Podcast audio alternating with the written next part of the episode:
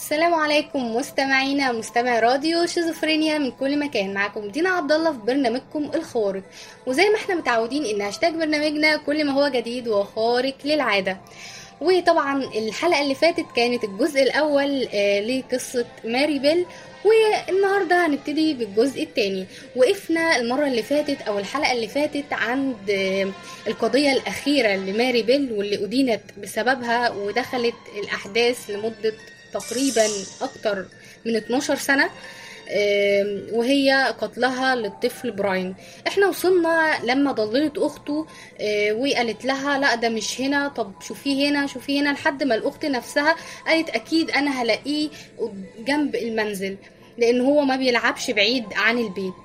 وده بالظبط اللي حصل. بس هي ما اكتفتش ماري بيل بالموضوع ده لأ دي قالت نادت نورما. وابتدوا هما الاتنين آه، وراحوا للجثة تاني. راحوا للجثة بس باختلاف إنهم كانت آه، ماري بتمسك مقص.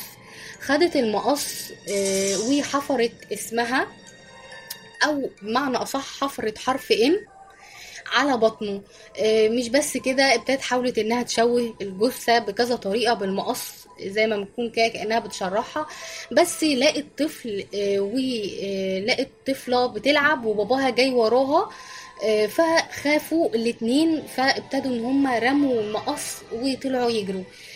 فطبعا المقص طبعا هو كان الدليل الأقوى آه، على الجريمة دي. بس آه، الموضوع ما انتهاش على كده وبس آه، لأ لقوا إنه طبعا بسبب البحث المستمر من قبل الشرطة لقوا إن هو راكنينه جنب صخور ومحطوط عليه ورق شجر زي ما يكون متداري بالظبط. فطبعا آه، الشرطة لما وجدت الموضوع ده وابتدوا إن هم يحللوا الجثة ويشوفوا ده من إيه بجانب إن هم لقوا المقص جنب الجثة. فابتدوا إن هم يشرحوا الجثة ولقوا إن الخنقة مش معقول تكون إيد شخص بالغ. أكيد دي من طفل. وابتدوا فعلا يحققوا مع كل آه، الأطفال اللي موجودة في المنطقة دي ويسألوها. طب إيه اللي حصل؟ طب مين؟ طب ابتدوا بقى يسألوا طفل طفل بيلعب مع مين وما بيلعبش مع مين. طبعا الشكوك انتهت لماري بيل ونورما بس طبعا مستحيل الشرطة إنها تتخيل إن طفل عندها 11 سنة وواحدة عندها 13 سنة ترتكب جريمة قتل. بس بسبب آه، آه، شكوكهم حسوا كده بإن هما بيخفوا حاجة. وبالفعل ابتدوا إن هما يسألوا ماري وماري قالت إن هو كان بيلعب مع طفل عنده 8 سنين آه، وكان ماسك مقص الطفل ده وكانوا بيجروا ورا بعض وأنا افتكرتهم بيلعبوا. بس لما جت الشرطة تحقق عن, الطفل اللي ماري شاورت عليه ده لقيتوا إن الطفل ده أصلا آه، ما كانش موجود آه، في المنطقة أثناء وقوع الحادث أو أثناء اختفاء الطفل. فطبعا توجهت تاني وابتدوا إن هما يسألوا تاني وتالت وانتهى المحقق ديبسون سأل بقى آه، نورما.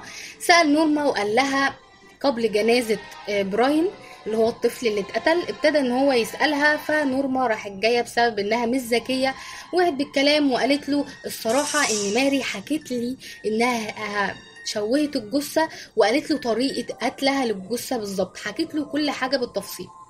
وبعد ال- الجنازة كمان المحقق ديبسون أول ما شاف تصرفاتها والنعش طالع من البيت لقاها بتضحك وبتفرك في إيديها جامد وزي ما يكون هو استغرب من تصرفاتها فقال أنا لازم ألقي القبض عليها بعد الجنازة مباشرة عشان أقدر إني أحط نهاية. أو نهاية للقصة دي أو زي ما بيقولوا نهاية عشان ما تقدرش تقتل أي حد تاني وبالفعل تم القبض على ماري بيل وابتدت إنها تنكر أقوال نورما وقالت لهم لا هي عايزاني بس هي متضايقة مني أنا ما عملتش حاجة.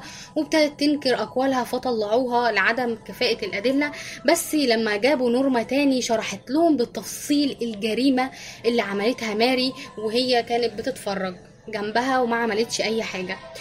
وطبعا تمت آه، محاكمتهم الاتنين وتمت تبرئة آه، نورما آه، اللي كانت شريكة ماري وتمت تبرئتها بالظبط عام 1968 وحكم على ماري بالسجن المشدد.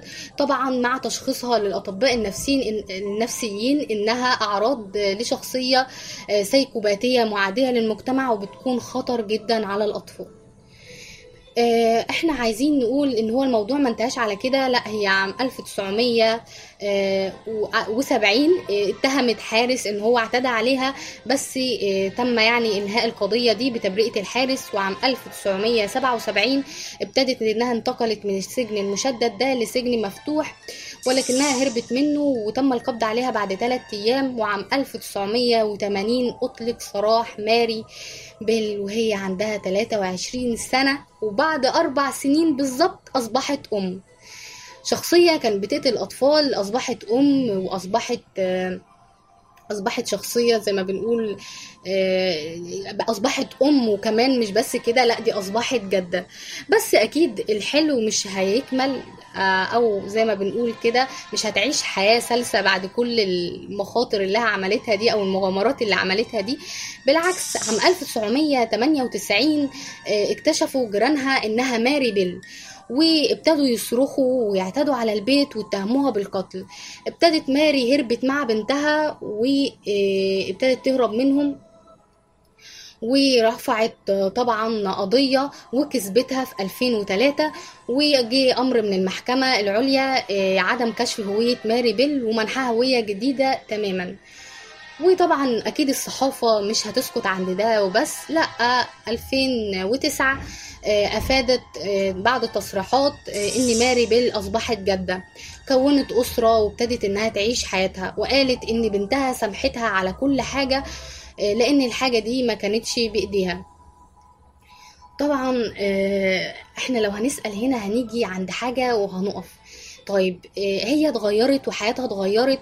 ممكن أنا بقول إن ممكن يكون فعلا ده كان مرض نفسي. طب بالنسبة بقى لنورما نورما خدت براءة ليه؟ يعني طبعا آه، ده السؤال اللي دايما بيتسأل آه، ليه نورما خدت براءة؟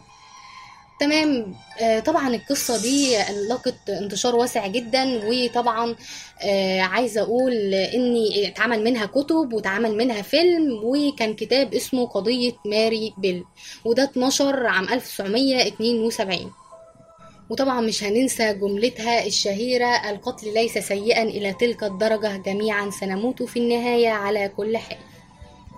وأنا هختم باقتباس لا ألوم الواقع والظروف فأنا الملام. فإن عوقبت أعاقب أنا ولا يعاقب واقعي الذي نشأت فيه حتى صنع مني قاتلا. صراحة حسيتها معبرة جدا للقضية دي أو للقصة دي. وبكده تكون انتهت حلقتنا وانتهت أجزائنا وكانت معاكم دينا عبد الله في برنامجكم الخوارق. دمتم في رعاية الله وحفظه.